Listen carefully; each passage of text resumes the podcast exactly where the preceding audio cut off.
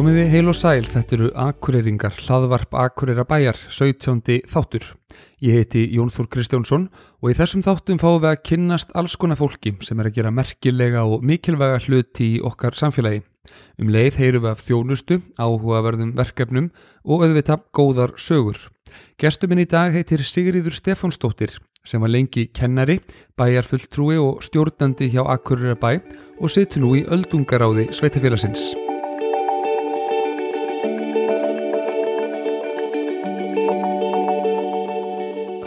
Velkomin í hlaðvarpið okkar. Takk fyrir það. Hvernig hefur það í dag? Bara alveg stór fint. Eða ekki? Jú, jú. Þú hefur nú komið víða við og sett náttúrulega mjög fjölbreyttum verkefnum svona gegn tíðina sem ég er mjög spenntur að tala við um. Eh, hvað ber svona þér þessa dagana? E, ég, ég er náttúrulega á þessu eh, nýja æfiskeiði svolítið, sko, eftir mjög annarsama æfi og eftir að vera fjölskyldumanniska að þá náttúrulega er ég hægt að vinna og bý einn mm. Og þetta er náttúrulega eitthvað alveg nýtt en ég auðvitað er að reyna að vera aktív og, og, og halda áfram að gera eins að hluti. Mm. og, þarna, og ég reyna náttúrulega, maður hefur meira tíma, ég er að reyna að reyfa mig meira heldur en ég gerði áður og ég er að reyna að vera í einhverju félagsstarfi. Já. Og sjálfbóðastarfi sem maður hafði kannski stundum ekkert mikið tíma til eins og hjá Rauðakrossunum og svo er ég sem sagt er e, fulltrúi félags eldriborgar einaftur í öldungaráði. Akureyrar eða Akureyrar skulum við segja. Segjum það, Akureyri er og verður Akureyri. Já, já, já og sem... líka vegna að þetta er í raun og veru vittakar en bæjarkerfið sko, þetta er Einmitt. líka sko verið að fjalla um þjónustu sem ríkið til dæmis er að einmitt. er eða á að veita. Já, einmitt Já, ég er mjög spenntur að tala við þig um, um öldungaráðu og svona starfsemina mm -hmm. þar, ég er, sem að, er margir sem að sem að væru til að vita meira um það starf og, og þá starfsemi. Eh, komur svona að því. Mér langar ég nú líka bara að heyra um því svona aðeins persónulega og, og hérna svona til þess að byrja einhverstaðar það er ekki bara rétt að byrja á, á byrjuninni? Sko, er ekki rétt sem að þú ert fætt á á Ísafyrði? Jú, ég fætt á Ísafyrði og móðu fjölskyldin er þar og, og þar var ég á sumrin alltaf hjá og af og ömmu alveg fram á unglingsárin mm. en ég er alveg upp í Reykjavík og þar er öll mín skólaganga Já. eða þánga til ég fóru náttúrulega að fara í alls konar endumendun en alveg frá Ísaskóla og, og sem sagt Östubæðaskólan og Gaggo Öst og Vestló Já. og Háskólan. Þar er ég í Reykjavík. Já, það hefur verið svolítið. Þú er ekkert búið á Ísafjörði þá mjög lengi eða svolítið? Nei, sko ég bara eiginlega fór þánga til að, eða mamma fór þánga til að fæða mig og, þarna, og svo fórum við bara aftur til Reykjavíkur Já. og hérna því hún bjóð þar. Já. Og en mér finnst samt alltaf, sko ég vera svolítið til Ísfjörðingur. Mér þykir ofbosla væntum Ísafjörð og ég finn það alltaf þegar ég kem ánga þó það líði kannski mörg ára á milli að, að þá er þetta svolítið svona bæri minn eins og svo margi staðir Já, Já þetta er, það, það er það frábær staður og það er mjög fallegt fyrir já, vestan, klálega, ertu þá duglega að fara og, og, og svona styrka tengslinn? Nei, ég er það ekki sko, eftir að hérna uh, sískinu mömmu, þau voru semst átta og uh, af og að maður byggu þarna. En núna er enginn úr þessar stóru fjölskyldu búsettur í Ísafjörði og þegar svoleiðis gerist þá auðvitað minga tengslinn en uh, ég fór á samt sko minni fjölskyldu og mjög mörgum úr stórfjölskyldinu þegar ég verði sjötug. Mm. þá hittumst á Ísafjörði og ég var nú svo heppin sko að ég var elsta badnabatna á ömmu og ég fættist á 50 sammalinunar ömmu. Þannig hún átti líka ammali sko þú sé lungu dáin. Þannig að tvöfald ammali þannig að þetta var tvöfald ammali þannig að, að það, og það var alveg ægilega gaman og ég hugsaði nú fer ég að fara oftar Já.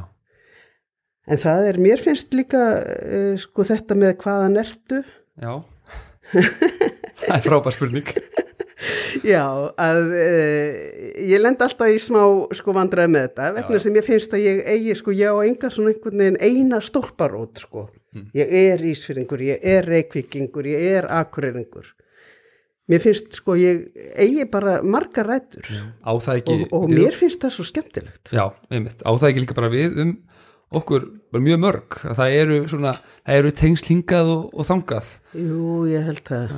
Svolítið En sumir sko. eru samt einhvern veginn alveg fastir á það að þeir séu eitthvað eitt. Já, En nú orðið sko halda mjög margir að ég sé sko akureyringur. já, stóru æ Já, og mér finnst það auðvitað, ég meina ég er búin að búa hér meiri hluta æfinar, já, miklu lengri tíma, eða þó nokkuð lengri tíma heldur ég bjóði Reykjavík.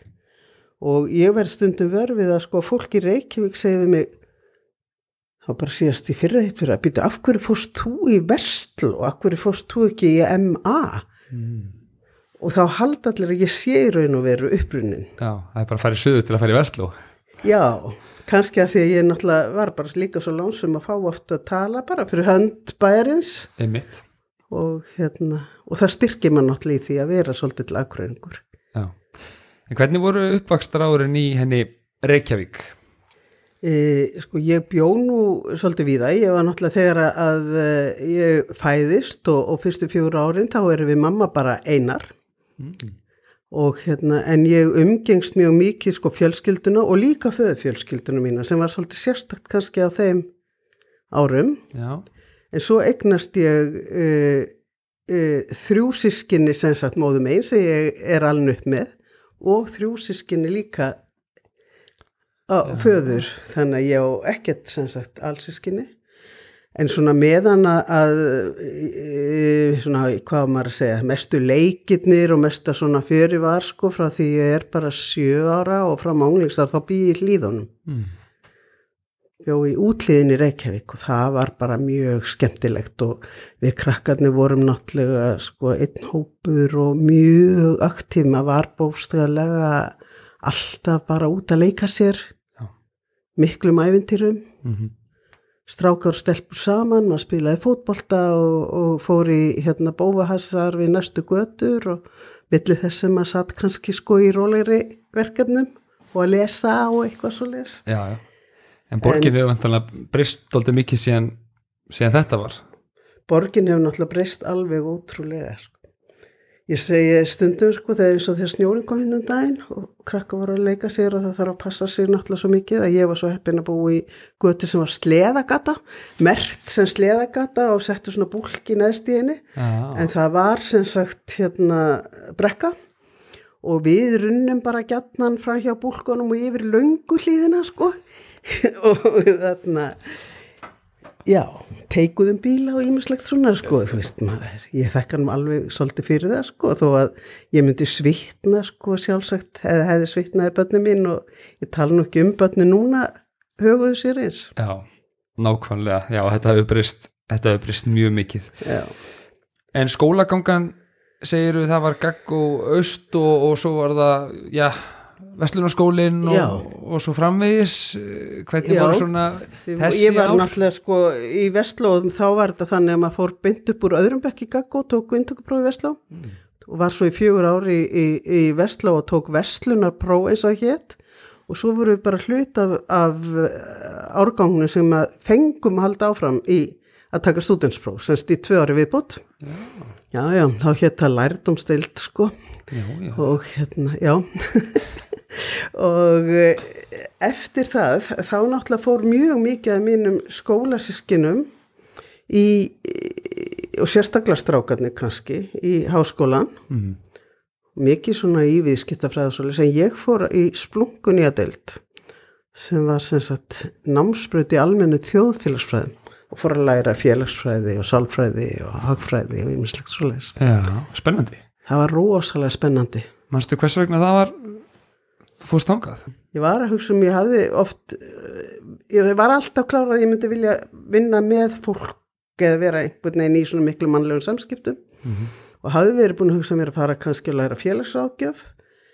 E, maður þurfti að fara til útlanda til þess og e, til þess að komast inn sem fulltrú Íslands, til dæmis til Noregs eða eitthvað, þá þurfti maður annarkvort að fara að vinna eitthvað, hafa einhverja starfsreynslu eða vera búinn að fara og læra eitthvað á þessu sviði og ég hugsaði alltaf að ég ætlaði að fara bara í þessa þjóðfélagsfræði og svo myndi ég kannski bara fara næst ár í, í þetta en svo fannst mér bara þjóðfélagsfræðin sko svo skemmtilega að ég, það einhvern veginn bara kom ekkert annað til greina heldur en að halda bara áfram. Já, einmitt en svo þetta lýsa þessu þá eins og einmitt fulltrúi Íslands sko, ég meina þetta er ekkit það er ekkit, Já. það ekkit að lí, líka þessu saman við aðgengja námi í dag Nei, þetta var náttúrulega bara því Ísland hafi samið sko, eða ríkjaði samið við einhverja skóla í Noregi og Danmörku sko um einhverja ákveðin fjölda af plássum og það þurfti bara velja úr hverjir fóru. Já, já, einmitt En þú hefur fílaði vel í, í þjóðfélagsfræðinu og bara Já. klára það Já, ég gerði það.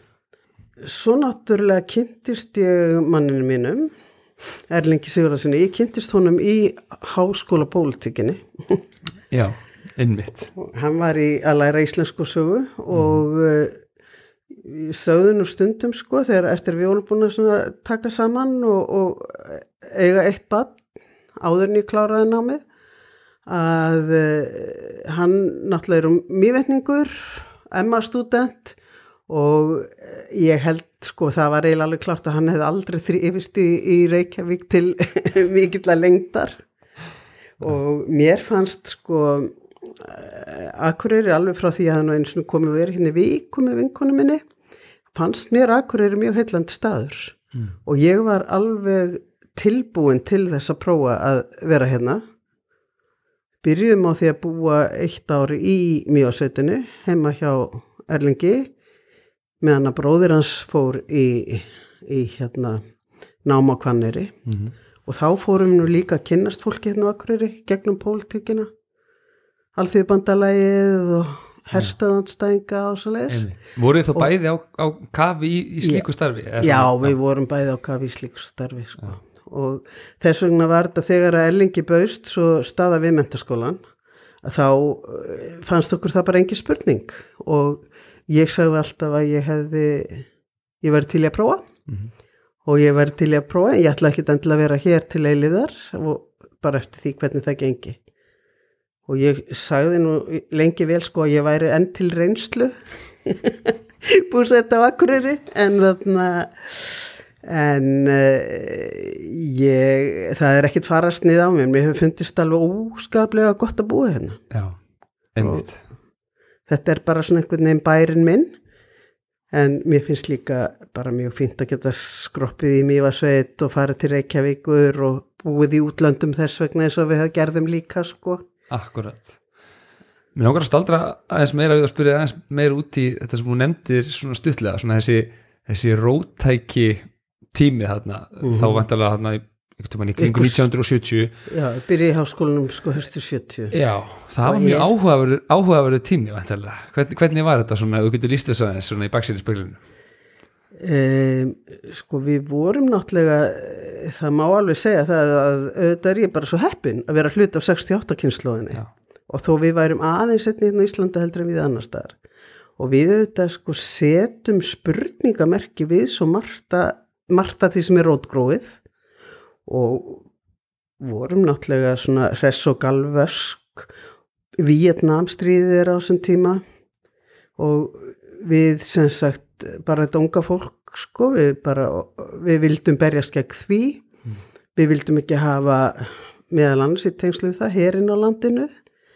Þessir hópar sem ég var í þarna sko, sem, í gegn námið og það voru mótmælagöngur og, og hérna alls konar mm alls konar fjör. Já, og svona, já, svona ákveðni en, en samt svona líka gleði og, og gaman að vera til, sko.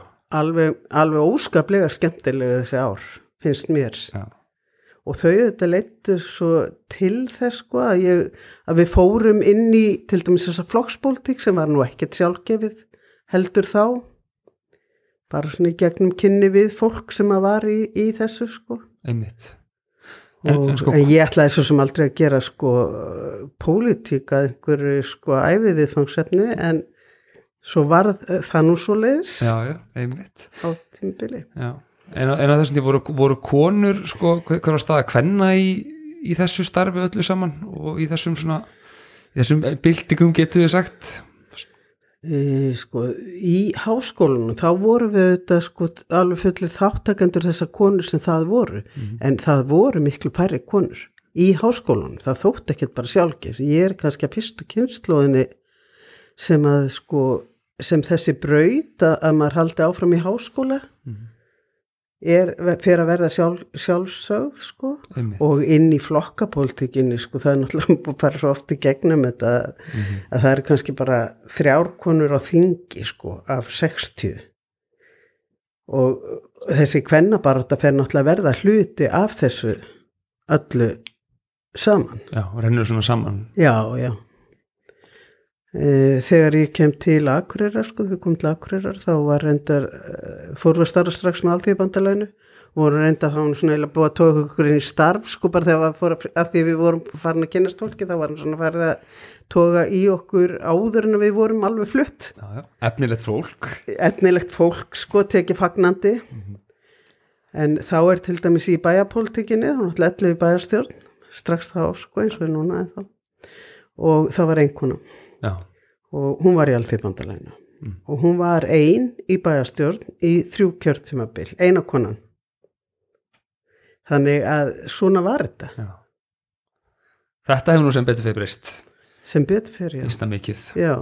Þó að sé ennþá ímislegt sko sem er hægt að, bæta einn frekar. Algjörlega, algjörlega. Og þið flytti hérna segur til Akureyrar hvernig var það? 78, 78 já, og þá þarna um þrítugt Já. og hérna verða 30 verða þrítu og, og hérna og stopni bara heimili hér eða, eða hvað já, svona? þá erum við náttúrulega komin tvö bönn já, og það þriða fættist svo hérna 82 já, Já, já, og við förum uh, að kenna bæði.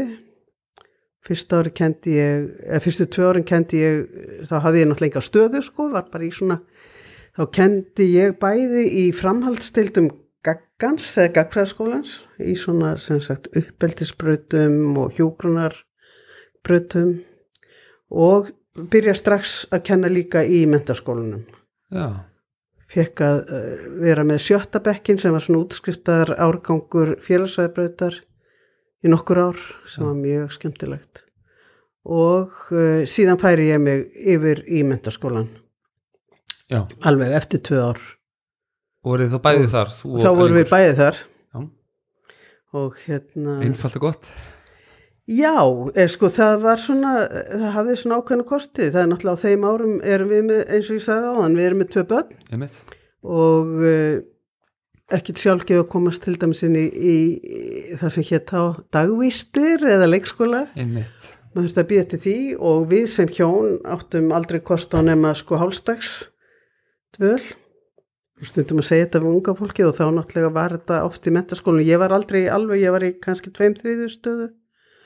Og þá þetta var bara voru við svona þú veist að óska eftir því hvort það væri mögulegt að við værum ekki bæði að kenna sömu dagana eftir hátti heldur að það væri skipti og svo voru það þessi hlaup sko að segja börnin og skiptast á og, og hittast sko heima hans já ég kem og þú ferð og eitthvað svo leið sko já, já.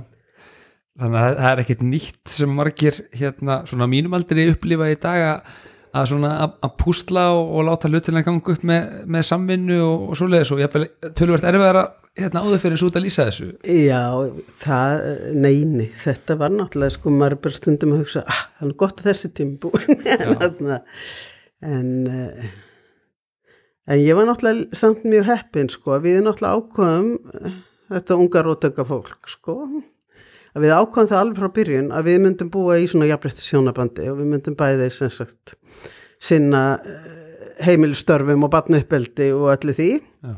og það var heldur ekki alveg sjálfgefið á þessum tíma. Nei. Þannig að annars hefði þetta náttúrulega ekki gengið upp þá hefði ég náttúrulega bara þurft að vera miklu meira heima og ekki átt kost á að gera margt af því sem ég hef svo gert í lífinu. Já, nákvæmlega en var það ekki líka sko þó að þetta hafi, mitt, hafi verið svona hjá ykkur menn eins og þú segir, var náttúrulega alls ekki allstaðar svona og þá hlýtur að það hafi verið mjög mikið svona framfara skref í þáu kynjajafrættis þegar þessi þjónusta fór að verða viðtakar eða meiri þjónusta varandi dagvistun og annað yfir allan daginn þannig að það er ekki þannig að, að konurnar sem voru í flestum tilugum heima ættu bara að kosta því kannski að vinna hálfan daginn eða hluta á deg Já, já, þetta, og þetta var, þetta var ótrúlega barátta, sko. Við vorum nú hérna í mann mjög eftir þessu svona fyrsta kjörtimbilum sem var, þá voru ég og Valgerður Bjarnar sem var fyrir kvennalistan, við vorum tvær sem betur fyrir inn í bæðaráðinu. Mm. Og ég segi bara stundum sko alltaf í fjárhagsállunumræðu, þá þurftum við að taka þessa sko grundvallar umræðu um hvort að þetta væri nú yfirleitt teppilegt og hvort að þessi þjónustu ætti að vera til bóða fyrir alla og hvort það væri nokkið miklu betra fyrir börnin að vera bara heima með maðurunum Ma, maður brósir þess í dag sko en, en þetta er þetta ekki Já, það er bara ágætt að fólk muni sko að, að þetta kom ekkert sko bara áttu löst Nei, einmitt. Alls ekki.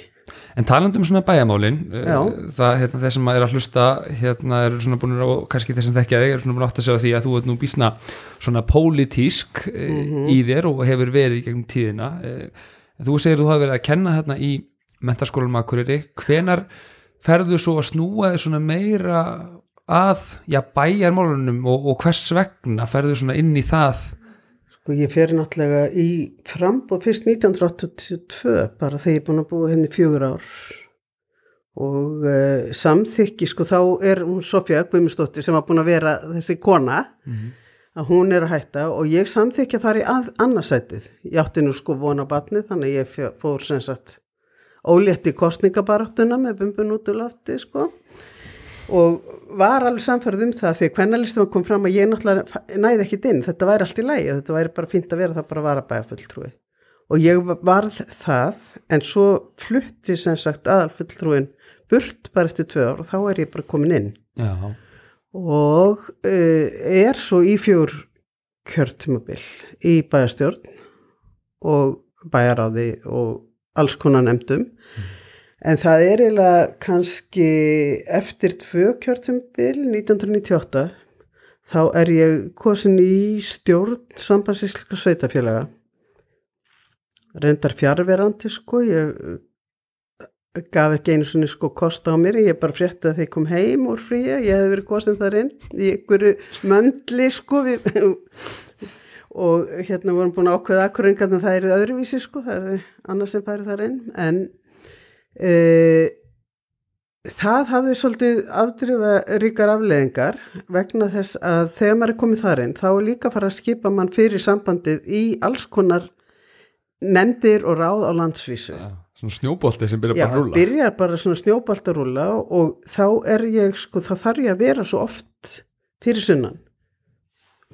Maður var svona hérna í vélinni mjög oft einu sinni viku og, og hérna stundu tvísvar og hérna sem betur fyrir stundu sjálfnar en það er sama, þetta fór að verða og þá er þetta bara þannig með kennslu að það er ekki samrýmulegt og búin að taka mjög miklu ábyrð hérna í meiri hluta samstarfi í bænum og, og fórsiti bæjarstjórnar eitt árið og, og forma bæjarás og þetta er bara svo mikil vinna. Og maður segir ekkert sko við nefndu sína heyrðu fyrir gefiði ég get nú ekki mætti tíman á eftir get ekki bara komið í kvöld þá get ég Einmitt. klára þetta þannig að ég var nú að reyna að kenna eitthvað smá svona með það því mér fannst það bara um, mér fannst það skemmtilegt og mér fannst alltaf svolítið mikið jarðsamband að, að sagt, umgangast þetta unga fólk mm -hmm. heyra í því og vera að kenna því svona fög sem fjallir svona lífið og tilveruna svolítið Einmitt. Og mér fannst ég að það er holdt þegar maður er í bæjastjórn sko mm. En var sko eins og bæjapolítíkin á þessum tíma var þetta mikið öðruvís í dag var þetta sko meira þannig að fólk væri að allur gangur á því hvernig þetta er í dag en, en var þetta þannig að fólk væri að vinna við þetta fyrst og fremst að vera í í bæjarmálunum eða í bæjarpolitíkinni eða var þetta svona með annari vinnu það, heilt yfir? E, það voru nú flestir sko með annari vinnu og, og þeir sem voru náttúrulega í þannig störfum að þeir gáttu verið mjög sveigjanlegir þeir áttu náttúrulega betri mjöguleika á því að halda sin vinnu Já. við vorum nú hérna þessar konur þarna sögðan stundum svona sko við kallanars eins og við sögðum sko mm -hmm. það væri nú ekki mikill vand að vera stjór einhver staðar og geta alveg sko ráði sér og, og koma svo bara heim í kvöldmattin þar sem konan eldaði sko ja. þannig að maður var svolítið svona herskár stundum Já, sko, já, já, í akkurat. þessu. En svona var þetta náttúrulega sko beinfallega. Þurftu það, þurftu það sko, ég berjast mikið og maður vel meira fyrir hlutunum en, en, en kollegaðinir kallkins í þessum, í þessum störfum? Eða var þið svona, fannstu fyrir því að þú væri kona þegar þú varst í þessu? Við vorum, eh, sko, það munaði náttúrulega alveg rosalega að vera ekki eina konan, til dæmis eins og inn í bæjaráði. Það voru reynda fleiri í bæjastjórn þá. E, ég var náttúrulega allins þegar ég byrjaði þessu, þá er ég náttúrulega ekki bara kona, sko, heldur er ég svona ung kona. Og e, þeim fannst nú sko stundum sumu köllanu sko að við værum nú bara mjög óraunsæjar og ekki með hérna eins og eitt saðin og eins við mér sko ekki með pæturnar á jörðinni meðan að okkur fannst að þar akkurat værum við. Já, sko þú veist í miðri lífsbaráttunni og, alveg börn og hérna það, það væri sko málin. Akkurat. Ekkert síður heldur en sko atvinnumálin og það að malbygga bæin og svo leiði sko. Mhm. en já, já. En samt samt verði ég alveg að segja það sko að mér fannst af því ég var líka sko utanbæðakona ég var ekki búin að vera henni lengi. Og auðvitað voru einhverjum sem fannst það heldur líka bara ekkert sjálfsagt. Nei. en að lang, lang, lang stærstu hluta ef ég er bara alveg réttlátt þá var mér alveg ofbáslega vel tekið. Mm. og hérna og bara mjög oft sko sem að fólk var bara þú veist að rosa manni og þakka manni. Og þannig að ég er aldrei á því sko að þetta sé einhver ofbásli fórn.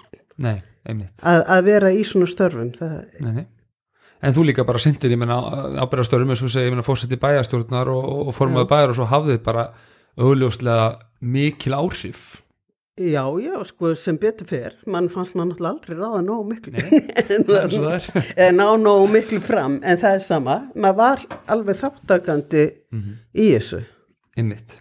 Sko, þessi félagsstörf, við segjum bara þetta séu svona allt saman svona félagsstörf og nefndarstörf og bara störf í þáu samfélagsins mm sem að hafa svona loða við þig og, og þú hefur verið stór hlut af þínu lífi þetta tíð. Eh, Veistu, hvaða, hvaða er í þér sem að hefur alltaf svona íttir út í, út í þetta? E, sko ég held að ég ég hef nú stundu verið spurðað þessu sko aður og, og hérna þegar ég hugsa um það þá hef ég náttúrulega allatíð verið mjög félagslind og e, alltaf þótt ofbúslega gaman að vera með það sem svona lífið og fjörið er sko Mm. og var mikið í félagslifi í skóla alltaf og uh, mamma sagði nú stundum ég hefði stjórna krökkunum í göttunni sko. Í svona í leikjánum sko. En já ég held að eh, bara það ég hafi verið frekar opinn og félagslind og eh, líka sko haft áhuga á samfélaginu. Mjög fljótt sko. Já. svona réttlætiskend og fundist að, að hérna það þyrfti einhver að breyta svo getur maður náttúrulega ekki alveg sagt til um það sko líka svolítið tilviljun sko hvar maður hvar maður lendir. Þegar ég byrja í þessu þá náttúrulega sko varð að fá þú veist, alþýðbandalega var þeim tíma sko bara klárt á því sko við þá var kall í fyrsta setinu, það verður koni í öðru setinu og að það væri ég en ekki einhver önnur sko, það er þetta líka það er allt líka svolítil tilviljun. Já, já, erfitt að með það kannski núna og eins og þú segir svona pínu snjóbolti sko þegar maður er komin Já. inn í þetta og, og þá leiðir það af sér fleiri, fleiri trúnaðastörf og fleiri nefndir og, og meiri ábyrð já, eins og gengur meiri reynsla náttúrulega það er orðið líka bara betri og betri í, í þessu hlutverki með tímanum. Svo gerist með reynslunni. ég ætla bara rétt að vona það sko en svo þarf maður auðvitað líka að passa sko vera ekki allt og lengi þannig að maður fara að verða algjör sko hluti af einhver kerfi að fara að verja allt sem gert er sko. einmitt. Það er það sem að sko en auðvitað gerði maður það stundum. Þú veist maður auðvitað alveg var í þeirri stöðu þegar var verið að að skammast út í bæjarstjórnina og, og eins og bara alltaf er sko, að þá auðvitað var maður líka komin í varnastöðuna og það er svona, mér fannst ég ætlaði, al- sko ég var alveg frá byrjun þá ætlaði ég aldrei að vera mjög lengi í svo ég ætlaði helst að vera svona 23 kjörtumbil og alls ekki meira. Nei. svo var ég fjögur sko og það var bara svona þetta síðasta letinu svona undan þrýstingi eins og svo vinsælt að segja. En það var sem sagt svona mjög eindreið frá mínu fólki sko að ég yrði bara að taka eitt í, í, í eitt kjörtumbil viðbót og en svo bara eh, tilkynnti það með ákveðin fyrirvara sko að nú ætlaði ég ekki að vera lengur. Þetta væri, þetta væri bara fínt sko. En þú er ekkert farið á þing? Nei, ég fór ekki á þing. Ég var endar sko oftar en einu sinni einhver starf frambáslista mm og ég var svo sem beðin sko og vera til dæmis eins og í öðru sæti kannski og berjast fyrir því. Um, sko ég var alltaf svolítið, það var einmislega sem gerða verkum og ég fór ekki inn á þá braut. Mér fannst í fyrsta lagi e, sem sagt sveitarstjórnumálin alveg óbúslega skemmtileg og vera svona nálagt fólki og ég var alltaf svolítið á því að, berjast fyrir því líka að halda því fram að þau væri alveg alvöru pólitík. Það væri ekkert sjálfgefið að þeir sem að væri í sveitarstjórnumálum að það væri eitthvað skref inn á þing Einmitt. Og svo verði ég auðvitað líka að sko viðkynna það að auðvitað af því að ég var uh, með krakka, ung börn og mig langaði ekki til að flytja þessa fjölskyldumyndir Reykjavíkur og mig langaði ekkert til þess að fara til Reykjavíkur og vera þar ein og koma kannski heim um helgar. Þannig að ef ég hefði búið í Reykjavík þá hefði kannski sko þingið verið nærtæk. Já, einmitt En nei, ég fór aldrei á þing. Nei, einmitt hérna, en þú varst hérna eins og segir í, í, í fjögur kjörtímabil í, í bæjar, Bæjarstjórn. og, og í þeim málum hér í, í politíkinni þegar þú hættir já, því, þá lestur nú samt ekki afskiptum þínum af, af bænum lokið heldur áttur eftir að sinna sko fjölmörgum eins og vorum að tala um fyrir viðtalið. Þá hérna var ég að skoða ferilskránaðina og, og þar eru fjölmörg stjórnenda og stjórnunarstörf yfir þínum ýmsu verkefnum og deildum og sviðum hjá bænum sem, að það, sem tóku við hjá þér. Þar á eftir. Sko þegar ég hætti þarna um vorið þá sko var ég ekki alveg búin að ákveða svona hvert ég myndi hvert ég myndi langa til að snúa mér. Uh, ég var náttúrulega sko alveg að hugsa um það hvort ég myndi ekki uh, fara að kenna aftur bara en mér fannst það ekki heldur alveg sko, mér fannst gaman í að stjórnast og ég svo losnaði bara starf hjá bænum þarna mitt sumar einhvern tímann. Svona stjórnandastarf og ég hugsaði bara með mér já. Kannski sko, ég ætti nú bara að prófa það. Já. og ég sótt um og, og hérna fekk það. Og eh, sko ástæðan fyrir því ég var að svona á mörgum stöðum var náttúrulega líka það sko þess, þá tóku náttúrulega við ár þar sem sko var bara bæjarkerfið var svo síbreytilegt. Já, og ég var náttúrulega sjálf líka sko í því og sagði alltaf það getur bara vel verið að, að ef við breytum þessu sko þá sé bara ég, þar með þá sé leggist mitt starf niður. Já, það verður það bara að hafa það ég var nú svo sem alveg á tímabili sko að nöndu loki sko þá var ég nú eiginlega sko farin að hugsa að þetta væri nú eiginlega alveg komið nóg sko. Já, af því að vera alltaf í nýju hlutverki og vita ekkert hvað býði sko. Mhm. en ég var bara svakalega heppin að fá að takast á við fullt af skemmtilegum verkefnum. Já, og mér finnst það sko það hendar mér eiginlega betur svona ef maður horfir í baksinni speilin heldur en að vera bara í einhverju einu starfi Ertu það sem myndi svona kannski kallast svona verkefna verkefna og markmiða drifin svona að sjá fyrir það svona einhver verkefni sem þarf að klára og, og skipulegja áalla og, og, hérna, og vinna svolítið stíft eftir þeim? E, sko að sumuleiti en svo er ég líka sko eh, sumir vildu náttúrulega bara ákveða eitthvað og bara gera beintaði mér fannst líka, líka sko ég laði líka miklu áherslu á að til dæmis að maður væri með starfsfólk með sér og eða verið að gera breytingar þá bara drifur maður sig ekki svo mikið sko að allt er því sárt og, og, og vittlaust einmitt. Og hérna þannig að mér fannst það skipta máli. Og svo hefur mér líka bara fundist sko í bæjarkerfinu skipta svo miklu máli. Og ég er kannski svolítið ennþá þar sko að fólk eigi ekki vera lokað inn í sko sínum dildum jafnvel þó þú hafi markmið og verkefni til að vinna að að fólk eigi að horfa á sig sem sko eitt kerfi Já. og vinna þvert á allt saman. Já, ekki svona síló. Nei, í mér er alltaf leiðst það alveg svakalega sko.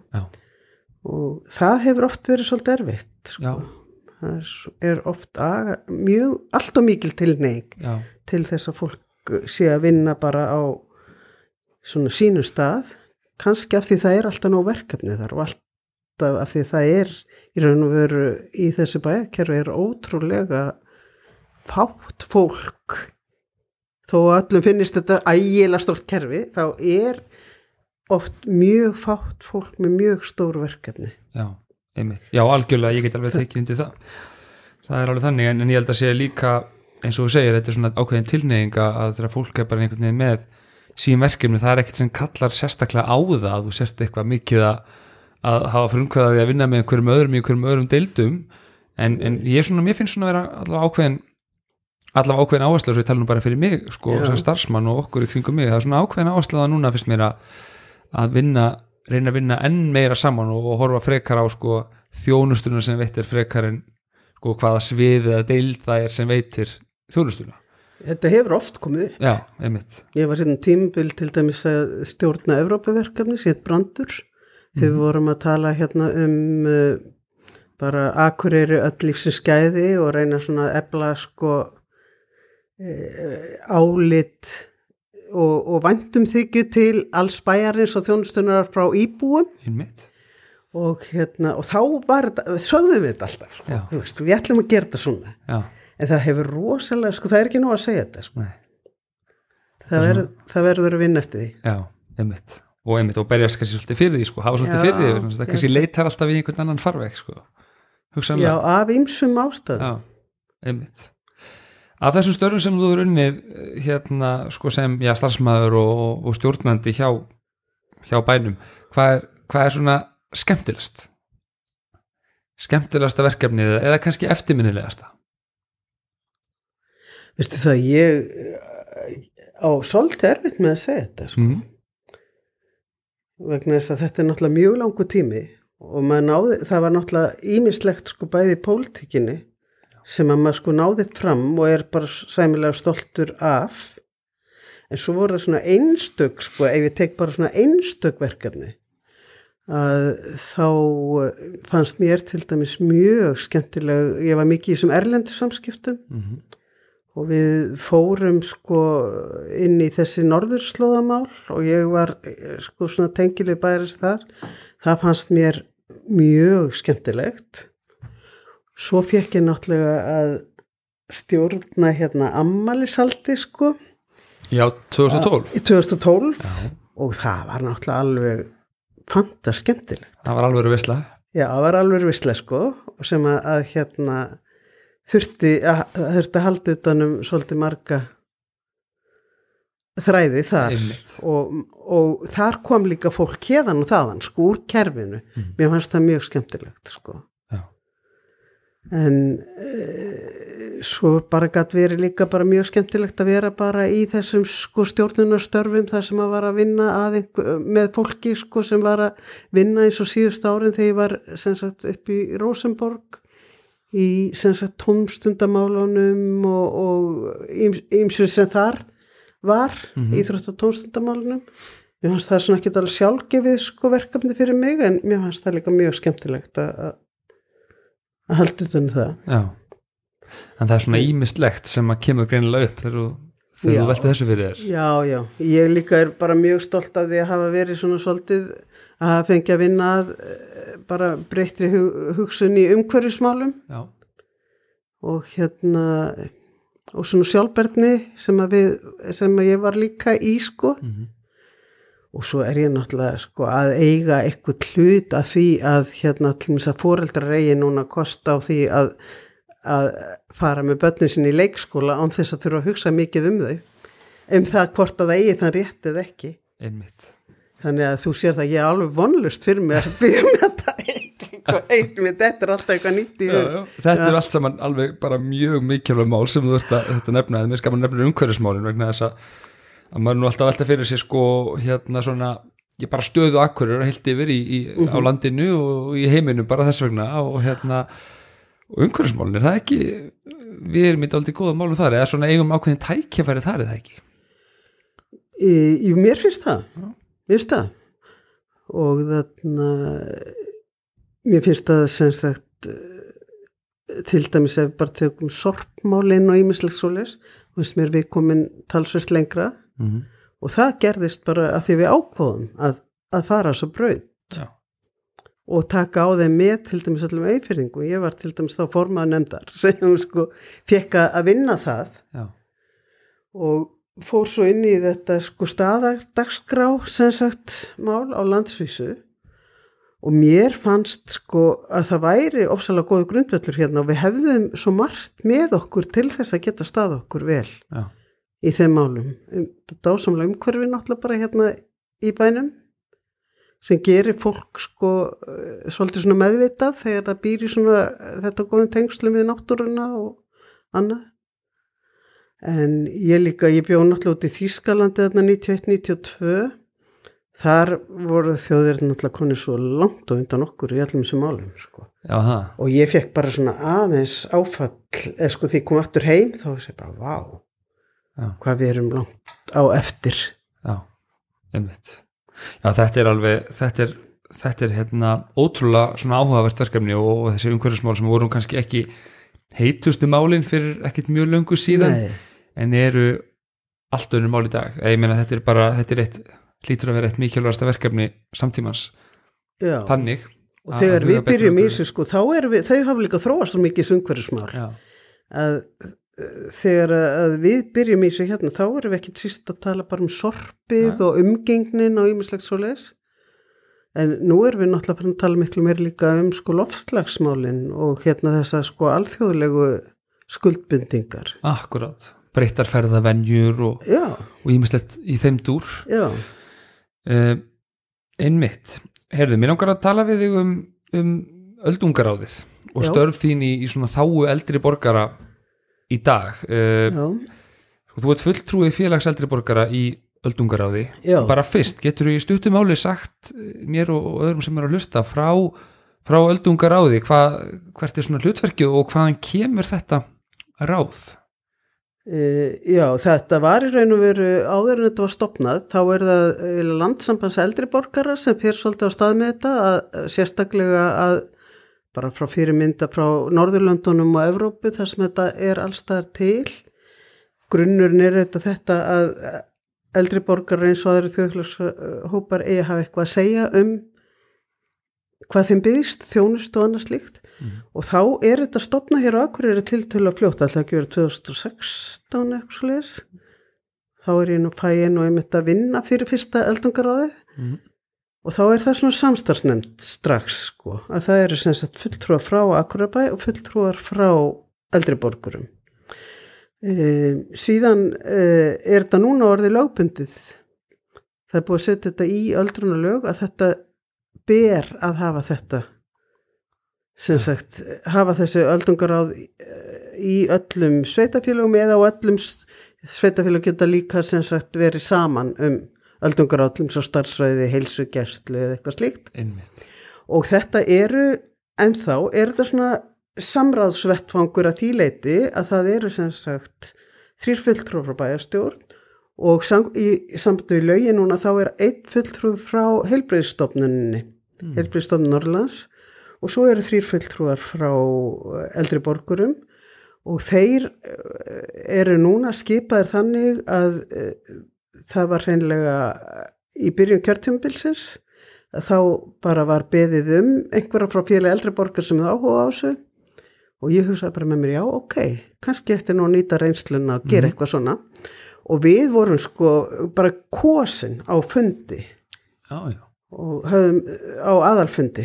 Bara þurftum að gera greina fyr, gera grein fyrir því hvað við, hvað við hefum áhuga á og hvernig okkur finnst þetta að vera. Og svo bara kostning einmitt þannig að við hefum bísna stert umboð já, þessi fulltrúar og erum kosin til fjögur ára. Já, og það er svo bæði til lög sem segja semst þetta er vera og að við eigum að vera með í bæði að fylgjast með tróunöldrunumála og svo eins og er að við eigum að vera með í allri stefnumótu í málflóknum einmitt.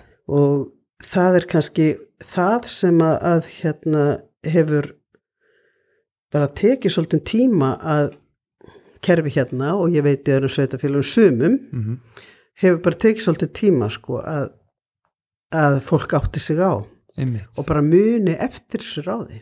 já, Við höfum þessi fulltrúar, semst við erum þrjú fulltrúar félagseldri borgara.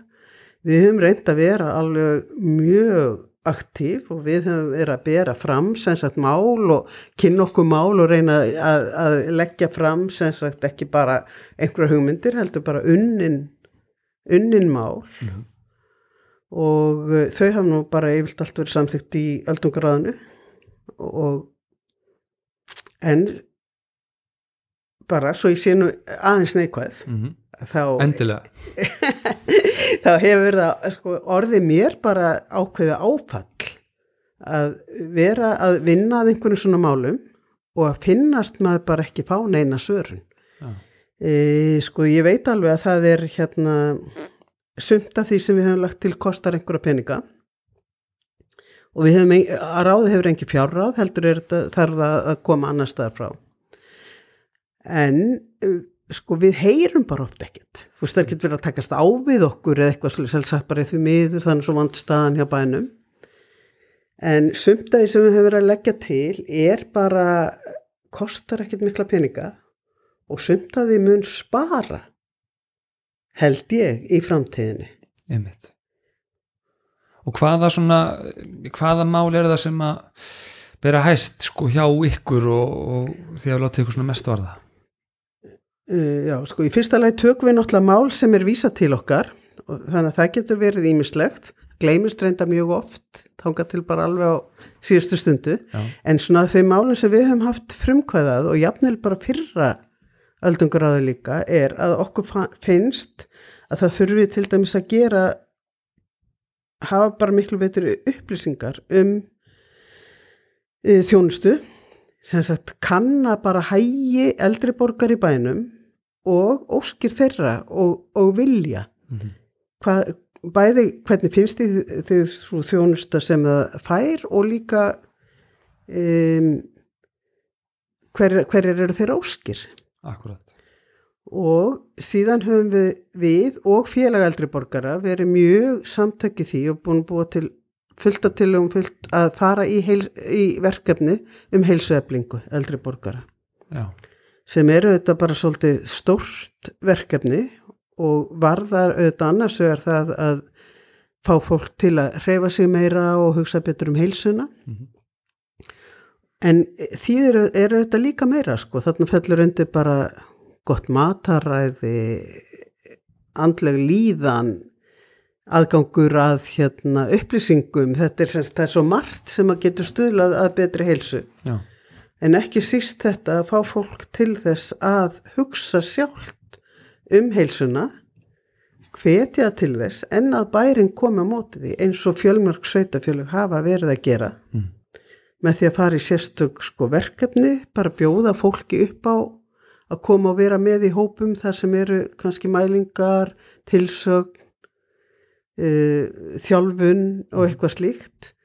Við höfum uh, bent á það að hérna, það væri alveg tilvalið eins og við höfum fyrirmynd frá í hafnafyrði að það er þið teknir upp frístundastyrkir þar sem fólk gæti sem sagt já, keift þá tíma hér og þar. Í leikvumi fyrir eldri borgara sem er oft dýr. Já, við höfum bent á að eiginlega öll sveitafélagi í landinu er með ókipis sund fyrir eldri borgara sem bæði svona viðkenning fyrir þennan hóp og Mhm. Uh, við höfum ekki náðan eina á þessu fram. Nei. en núna er til dæmis hérna uh, búið að skila inn líka hópur og vegum heilbriðsándið sem, sem að fjallaði um heilseflingu sem er með bara akkurat alla þess að þætti sem við höfum verið að fara og það sem er bara verið að hvetja sveitafélag til þess að fara í þetta. Og nú er ég nú bara að vona að það gerist eitthvað. Nú er kannski sko eitthvað farið að reyfast já, en við höfum líka sko við höfum verið að tala til dæmis um verðlag á þjónustu Mhm. uh, okkur finnst sem sagt að hér sé ímislegt bara of dýrt Mhm. miða við hannu sveitafélag en svo er það sem er líka bara skiptir svakalög máli þegar að fólk er að kanna alltaf þarf að finna það að þarf að kannski að fá einhverja meiri aðstóð heldur en það hefur þurft til þess að eins og allir segja allir vilja vera heima hjá sér sem lengst og mm. sveitafélag vil það, Mhm. þá getur þurft svona smá hjálp sem er miklu ódýrari heldur en að fólk fari inn á stofnun Mhm. að þá finnst okkur sko að upplýsingar að það, er, það sé mikill frumskófur og það þurfa að gera, bærin þurfa að gera miklu betur í því Mhm. að hafa greina góðar upplýsingar bæði á heimasíðu, backlingum og öru við höfum bent á það að það veri gott að fólk þyrti geti sótt á einhvern eitt stað og það veri kannski þjónustufulltrúi bara fyrir hvern og einn. Mhm. og í öllu þessu steppi þá finnst okkur sko að það vanti bara í alveg stefni hjá bænum. Já. þó það komi svona einstakar stað einhver svona smá stefnu já, já, eh, að þá þurfi vanti bæði yfirsýn og samhæfingu. Og við höfum lagt til að það verði bara unnin aðgerrar áallun sem væri viðtæk, sem tækja þess að heilsueflingu mjög stert inn. En líka hvernig ætlum við að vinna? Hva, hver er sem sagt sínin Mm.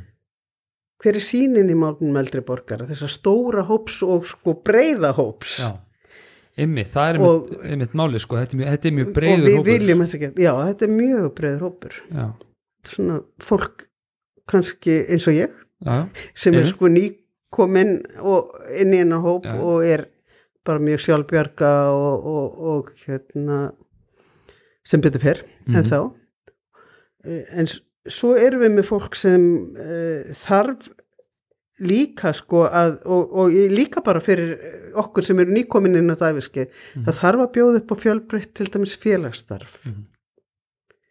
og svo, kem, svo megum við bara ekki gleyma því fólki sem að er þá ekki orðið fært um að fara mikið og, og hérna þarf bara meiri aðstóð bæði heima hjá sér eða, eða e, að fara í einhvers konar dagþjónustu og, og hitt og þetta. Mhm. þarf að fá þjónustu heilbriðstofnuna og allt þetta er ofsalega mismunandi þarfir. Já, en öll stefnu við í þess átt. Já, já og líka sko fólk sem er núna bara ferdugt já, já. Þetta, þetta stefnir allt, allt í sumu óttina, það er svolítið svo leiðis. En þessari, hérna, þetta bara kvartningu, er svona komið á framfæri, það er grunilegt að við getum gert, við getum gert betur þarna, það er bara þannig. við verðum að gera betur Já. og ég sko ég bara fella viðkvæm fyrir því að bærin minn sko standi sig á mörgum suðum ekki nógu vel Mhm. En það þýðir það eftir ekki að við erum að gera margt mjög vel og fullt af starfsfólki bæðarins er alveg frábært og Já, já, allt þetta maður er ekkert að sko sjá bara svart. Nei, nei, nei, en við getum gert betur og ég held að það sé það sem við þurfum að gera til þess að til dæmis þungin og þjónustinu verði ekki allt og mikill einmitt. þegar að við erum orðin allt og mörg Já, já, akkurat, og það fjölgar alltaf. og við náttúrulega. þurfum líka að sína sem hópi virðingu og það er það sem að, að mér finnst skipta svakalegu máli sko. Finnst þér sko, uh, finnst þér eins og þessi stundum, náður ekkert endilega þannig sveitafélagi, bara almennt í samfélagi, finnst stundum eins og þessi talað um eldri borgara sem svona, einmitt, einslitan hóp sem hann Já. er, sem hann er náttúrulega alls ekki. já, það er Og um það. allt og mikið um það og, og svona sko þó að ég segi það við verðum að hugsa um allan og hópa ekki síst þennan sem er orðin elstur Mhm. að þá erum við þetta sko líka með stóran hópa fólki sem er, er hérna bara í fullu fjöri í raun og veru Mhm. kannski aðeins hægari heldur en 20 árum áður en það, sá hópur þarf líka búa sig undir það að verða sem sagt eldri þess vegna þarf hann að hugsa um heilsu sína þess vegna þarf hann að hugsa um sko samskiptin og allt þetta Já, akkurat. En svona hvað er fyrir það sem, þegar þú þekkjar þetta náttúrulega rosalega vel, sko, hvað er, við horfum á þetta heilt yfir, þjónusta við eldri borgar á menn hvað er í bóði út að nefna félagstarf og ímsa þjónustu, hvernig stöndu við svona bara heilt yfir? Uh, sko ég held náttúrulega að við séum rosalega heppin alveg eldri borgarar og eins og bara allir íbúa bæjarins að búa í þessum bæ þar sem er þó þetta mikil, mikil tækifæra þjónusta. Mm. ég minnst mér alveg frábært allir þessi göngustígar og allt þetta sem búið að hérna leggja nú það er heilbriðstjónusta hérna í bænum það er náttúrulega getur bara munað óbúslega miklu að hafa sjúkrahús þar sem að maður býr Mhm. Það er veitt sem sagt uh, heimahjúgrun og ímislegt svoleiðis. Og svo vil ég bara minnast á það að í þessu sko félagsstarfi þá erum við náttúrulega annars vegar með félagsstarfi á vegum bæjarins sem er auðvitað þarf að vera fjölbreytt og gott. Og svo er náttúrulega félag eldriborgara eh, stendur fyrir alveg mjög miklu einmitt. félagsstarfi og mjög fjölbreyttu. Og það er ekkert hægt annað en hvetja fólk til þess að sko að taka þátt í því. Já, einmitt og, sko. og mér finnst til þeim skipta rosalega máli ef ég tala fyrir sjálfa mig að vera með allar þessar menningastofnani hérna. Já, og þú veist geta auðgað andan og, og allt þetta. Já, þannig að sko við erum annars vegar með sérhæða þjónustu sem við þurfum að hafa mjög góða. Og þar getum við bætt okkur þó nokkuð mikið Mhm. og hins vegar erum við náttúrulega bara með þessa þjónustu sem er fyrir alla bæjarbúa já og mjög margir eldri borgar að nýta sér og sem náttúrulega. mjög margir eldri borgar nýti hópar. sér sko þannig að við megum ekki sko hugsa þetta bara mjög þrönd Nei, þetta er, þetta er mjög þetta er mjög góða punktur að hérna og held að sé okkur öllum holdt að minna okkur á þetta að, að hérna eins og að segja þetta er mjög, þetta er fjölbreyttur hópur og, og hérna það sem er verið að gera í segjum í bara menningamálum heilt yfir, ég meina þú veist það er leikhús hérna og það eru tónleikastæðir og fleira og hérna alls konar íþrótta viðbyrður og fleira. Þetta er auðvitað eitthvað sem er hérna að gagnast og nýtast eldri borgurum eins og öðrum. En svo er það hinn svona sérhæða þjónustan sem að kannski hérna skiptir ekki síðumáli og þarf að huga En við þurfum líka að hugsa að því sko að þetta sé aðgengilegt sko fyrir eldri borgara. Og í langstæsti hlutin sumir segja sko þessi eldri borgar dag þetta er alveg hérna, þetta er alltaf orðið svo ríkt fólk og, og sem hefur það svo gott að það þarf ekki að hugsa um það. En við skulum bara aðtöða það að lang, langstæsti hluti sko eldri borgara lækkar til dæmis mjög mikið í tekjum. Og þess vegna sko er kannski bara allt í lagi að hugsa til þess eins og Ég á til dæmis menningakort í Reykjavík og sundkort í Reykjavík sem að sko er miklu ódýrara heldur en sambarileg þjónustu hérna á Akureyri og mér finnst það svolítið fáránlegt. Og við þurfum að hvetja fólk til þess að vera aktíft og kannski þurfum við að gera það með því að, að bjóða upp á eitthvað. Já, einmitt.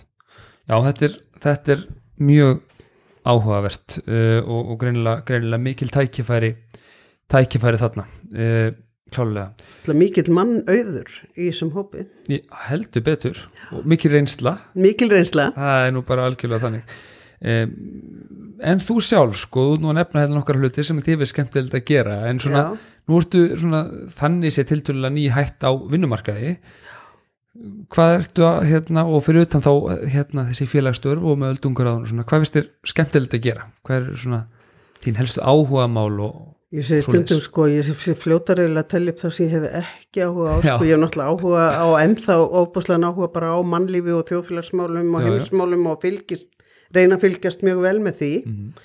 Eh, Eitt af skynsanlegasta sem ég gerði eftir ég hætti að vinna var að, að eh, fara í sund alltaf með hópi sem er stund að sundleik fyrir mig já, einmitt á mótnana, á fleiri hópar fer þangað alla mótna, mér finnst þetta alveg dásamlegt, þetta er bæði sem sagt ofbúslega gott fyrir heilsuna og skrokkin og líka bara svo félagslega gott hitta fólk hafa eitthvað svona festu. Er þetta ekki hópurinn sem er bara öllum opinn og, og Jú. hérna, með allir koma? Jú, við erum að segja, ég var í morgun, við erum vegna COVID þá skiptum við okkar hópi sem sagt í, í hérna tvent já, og í morgun voru sko yfir 20 í hvorum þeim hópi og svo var, er annar hópur ennþá fyrir á mótnana.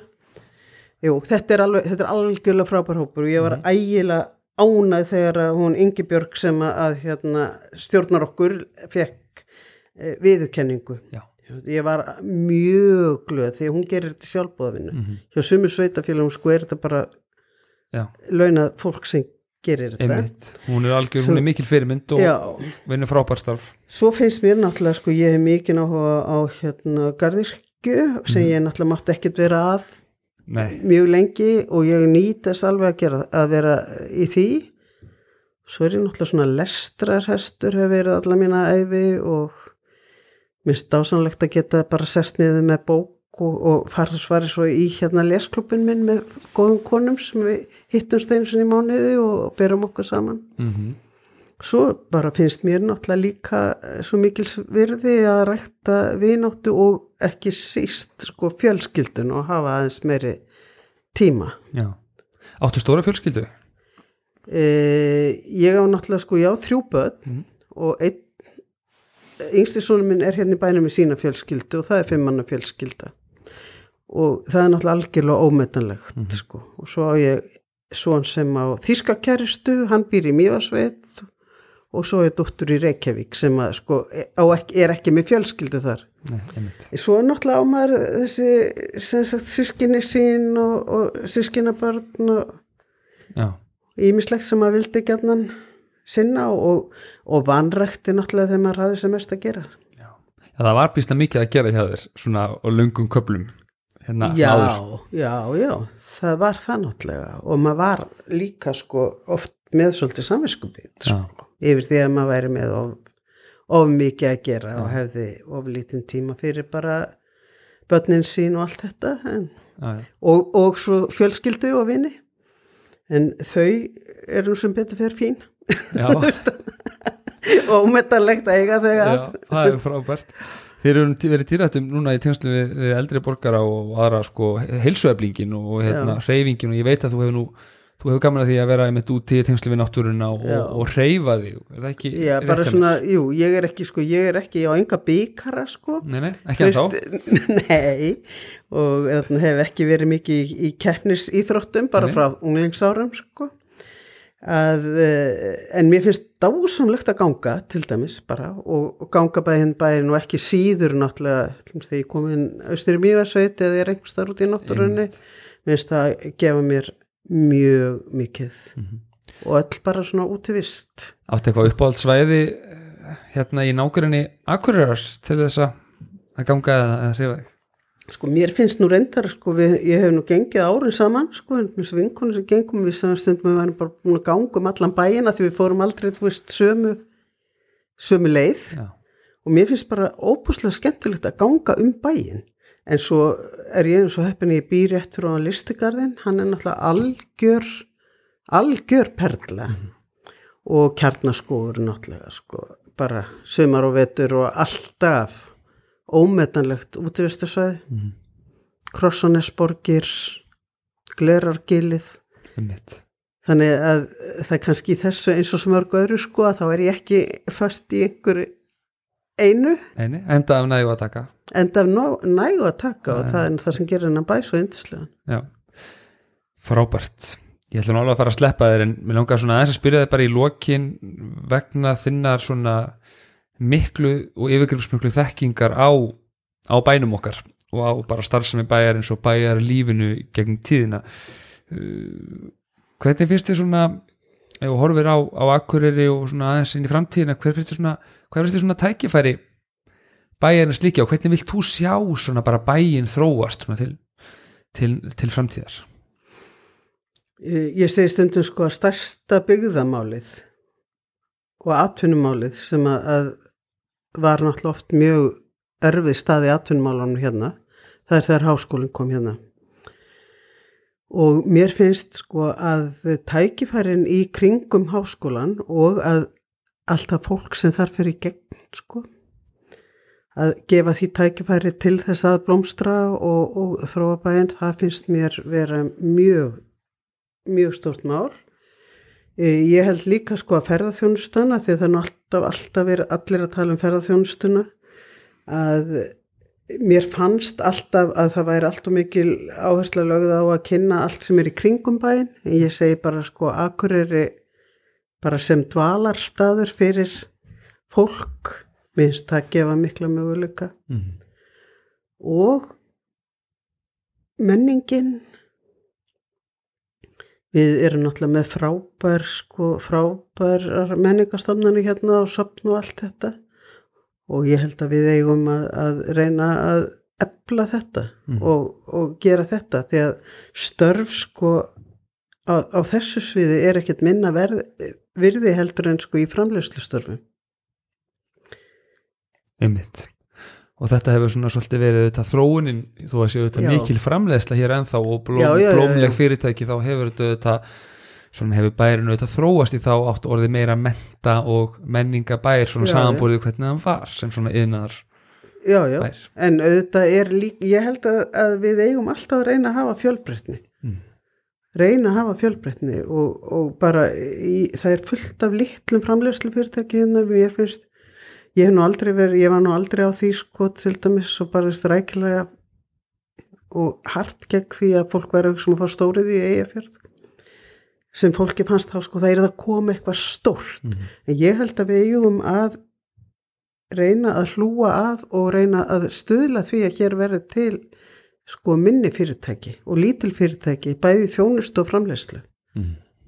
tekni ekki öll ekki í sama korunni Nei, ég held nefnilega ekki sko. Við, ég held að til dæmis eftir að hafa upplifað sko hrunið á, á sambandsvæsmiðanum og slipnum og ymsusna í þá daga að þá er ég alltaf á því að við eigum að reyna að hafa fjölbreytnina, við erum ekki háð einhverju einu. Mm. Og ég held að bærin hafi bara alveg sko óþrótandi möguleika en við þurfum þetta líka að fá það viðukent sko af ríkisvaldin til dæmis að við séum sem sagt svona höfuborg norðsins sko Mhm. eða og landsbyðarinnar Já. og höfum þannig þá ákveðna skildur og hlutverk já, sem slík já og að Akkúrat. hinga séu færð störf Einmitt. og stofnanir ég held að þetta séu frábær lokaorði í þessu spjalli við skiljum þetta svona eftir bara á þessum nótum og það er þá einhverja annara að, að taka við, við boltanum Sigriður Stefánsdóttir það var algjörlega frábært og lærtum sýkt að spjalla við þig. Gangið þið vel. Takk, takk fyrir það, takk fyrir spjallið